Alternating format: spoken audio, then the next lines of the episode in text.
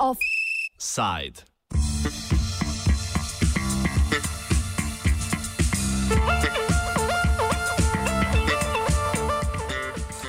Pogajanje o pogajanjih.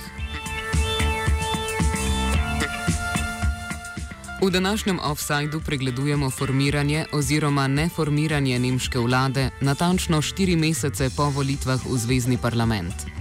Možnosti za sestavo nove vlade so za zmagovalni stranki volitev CDU in CSU še vedno negotove.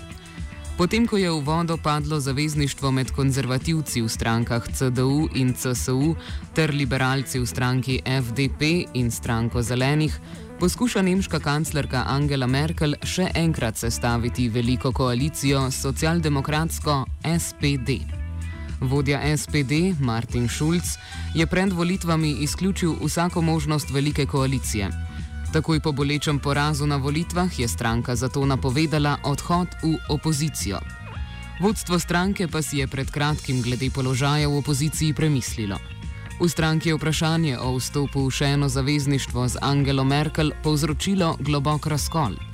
Pregled koalicijskih pogajanj do zdaj predstavi Katie Brady, novinarka medijske hiše Deutsche Welle. The actual formal coalition talks between the Social Democrats and Merkel's Conservatives haven't actually started yet, and so we expect those to begin in the next couple of weeks. But of course, like this um, progress in forming a coalition was stalled due to the previous preliminary coalition talks between the Conservatives, the Green Party, and the pro business Liberals, um, the Free Democrats.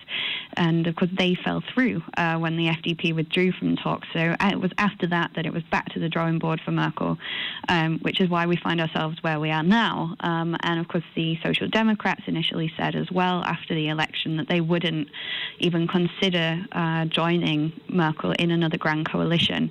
Um, so it's been a very long process so far, and that's not about to change either in the next few weeks. Predstavi tudi časovnico pogajanj. Well, it's definitely fair to say that Merkel's on her way out one way or another. But one of the main problems facing her party, so that's the CDU, um, is that they don't have a viable successor um, for the position of party leader right now.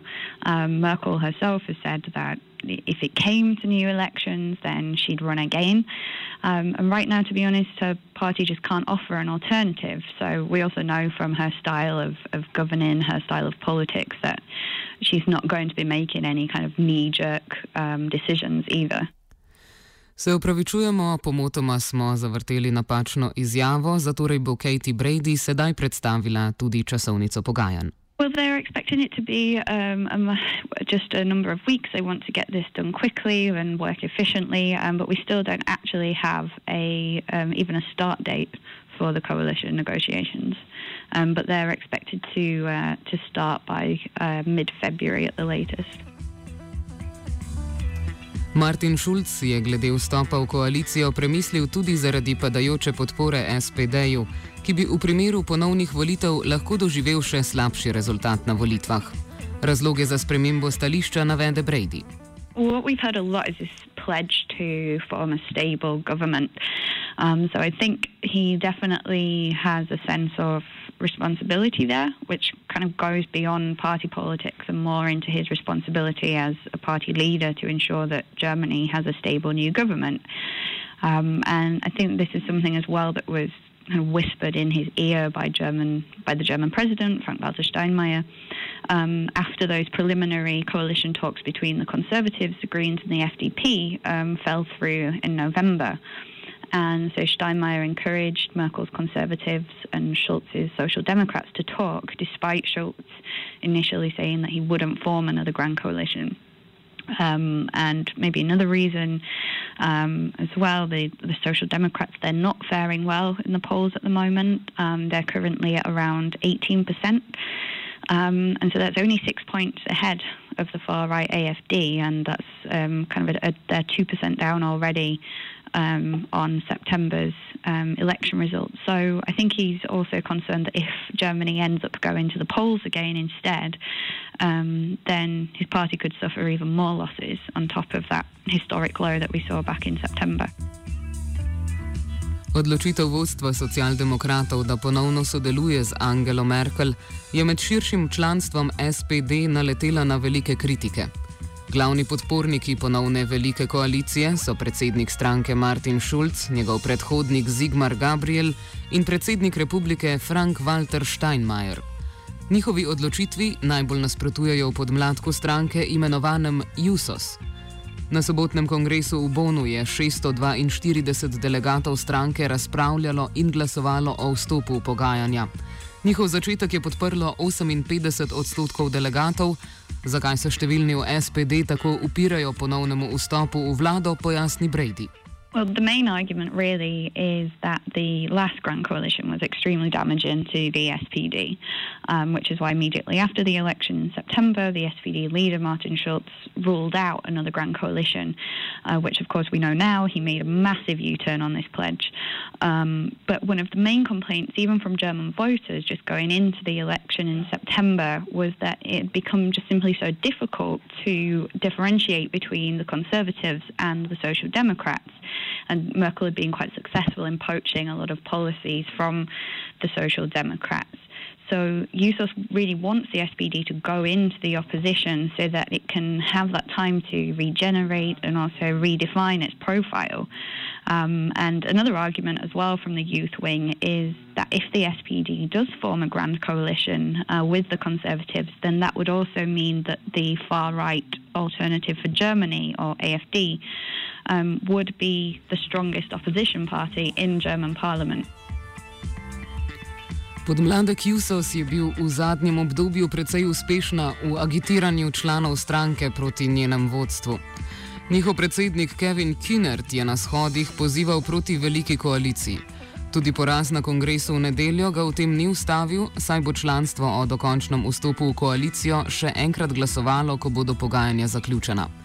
Nedavno je imel Juso s svojo kampanjo nekaj uspeha tudi v pridobivanju novih članov stranke SPD. This isn't really a major thing just now. It's just a, it's more of a kind of interesting observation, really. I mean, it, but one of the big kind of drivers behind this is USOS, who you just mentioned, um, and they're really encouraging people to join so that they can influence that vote. So, uh, Martin Schulz promised that uh, before any deal is signed um, with Merkel's Conservatives to form a grand coalition, that all SPD members, so that's 440,000 people would have a say and they'd be able to vote whether or not they actually wanted to to form this grand coalition.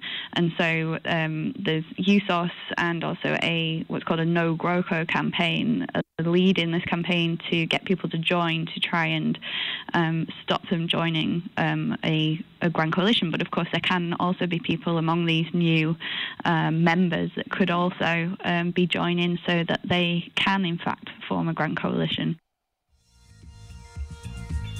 Podmladek stranke Jusos želi jasno ločitev politike med konzervativci in socialdemokrati ter odmik od dosedanjih centrističnih politik. they definitely want to move the party away from that centre ground, and that's a problem um, with several parties in Germany. If you look at both the CDUs, Merkel's Conservatives, and um, the SPD, have both moved uh, towards the middle ground. And the main thing um, that USOS wants to achieve is just to really um, set the SPD apart from uh, the from Merkel's Conservatives, and they've really had to govern in the shadow of the CDU for the last four years. Um, so they really want to be able to make a clear manifesto and a clear profile of what exactly it is that they stand for, and that would definitely involve moving them um, more to the left. But we're not looking at any kind of radicals here. Martin Schulz je na kongresu v Bonu obljubil, da bo na pogajanjih z Angelo Merkel in Horstom Zehoferjem izboljšal dosedaj doseženi dogovor. CDU in še posebno CCSU nista indicirali, da bi bili pripravljeni bistveno popuščati. Argument vodstva stranke za vstop v koalicijo je bil tudi, da bo vlada potem bolj socialna. Že v prejšnjem mandatu pa je imela SPD problem, kako biti slišana in uveljaviti svoje politiki. One of the main problems that the um, SPDs had uh, in previous Grand Coalition governments is making their voice heard. So, exactly how uh, prominent those more left leaning ideas would come through in the Grand Coalition um, is very much debatable. Of course, like, that's going to be the struggle um, w- when or if um, the SPD do form a Grand Coalition, um, because and that's they've really lost their identity, especially in the last four four years. Um, so that's going to be a struggle. Brady tudi pojasni, katere politike so točke spotike med konzervativci in socialdemokrati. Well, there's still several points that the SPD wants to renegotiate, um, but the Conservatives have already made it very clear that they're quite reluctant to renegotiate anything from this paper. Um, but most, the main sticking points will probably be domestic issues. Um, you've got things like fixed term contracts in the workplace. Um, the SPD is also keen to abolish Germany's two tier healthcare system, but I think the most contentious issue will probably be the family reunions for refugees. So this document that we um, have seen agreed upon by the SPD, the CDU, and the CSU says that um, in future um, a thousand family members will be allowed to move to Germany to reunite uh, with family members already here that have already been granted asylum here in Germany. Um, but on the one hand, you've got the SPD who don't particularly support any blanket regulations on uh, refugee family reunions. And then you have the CSU, so that's the uh, Bavarian sister party to Merkel's CDU, and they're very much against allowing more migrants into the country and they want to suspend reunions. Um, and this is a temporary measure which is already currently in place. Um, that expires in March, um, but the CSU is very much in favour of keeping that in place. Stranke, še posebno CDU, največ govorijo o binarni izbiri med veliko koalicijo in novimi volitvami. Tretja možnost je manjšinska vlada, za katero se zauzema tudi Jusos. Manjšinska vlada bi poživila nemško politično življenje, ki ga je zadnja leta omrtvilo zavezništvo med glavnima političnima poloma, a zaenkrat ta možnost nima vidnejše podpore. Zakaj, pojasni Brady. Arguably is probably the best way forward for everyone except Merkel. Um, and she said that she's against this on several occasions. Um, it's a form of government that's been proven to work in other European countries already, um, but it's never been tried and tested in Germany. And that kind of change is always going to come up um, against the brick wall in Germany. Um, and so that would be one of the reasons, really, the main reason why Merkel uh, would be against this is that she'd have to find a new majority for every piece of legislation, for every bill to pass. Um, so that would be quite a grueling uh, way of governing for her and something that she's not used to. Predvsem socialdemokrate v primeru ponovljenih volitev skrbi, da bi dobili še manj glasov. Alternativa za Nemčijo pa še več. The third option, new elections, and that's something that both Germany's biggest parties, uh, that both of those parties are not keen on. Um, and this comes with it's a very long process usually, which comes with a very large price tag. Um, it's usually months in the making, preparations with huge campaigns, and they just wouldn't have the time to do that. Um, and the Social Democrats are particularly worried that um, they'd make even more losses if voters return to the polls again. Um, and there's also that concern that the far right AFD, which entered German parliament for the first time in September, that they could actually make more gains if Germany was to return to the polls again. Offside sta pripravila Gal in.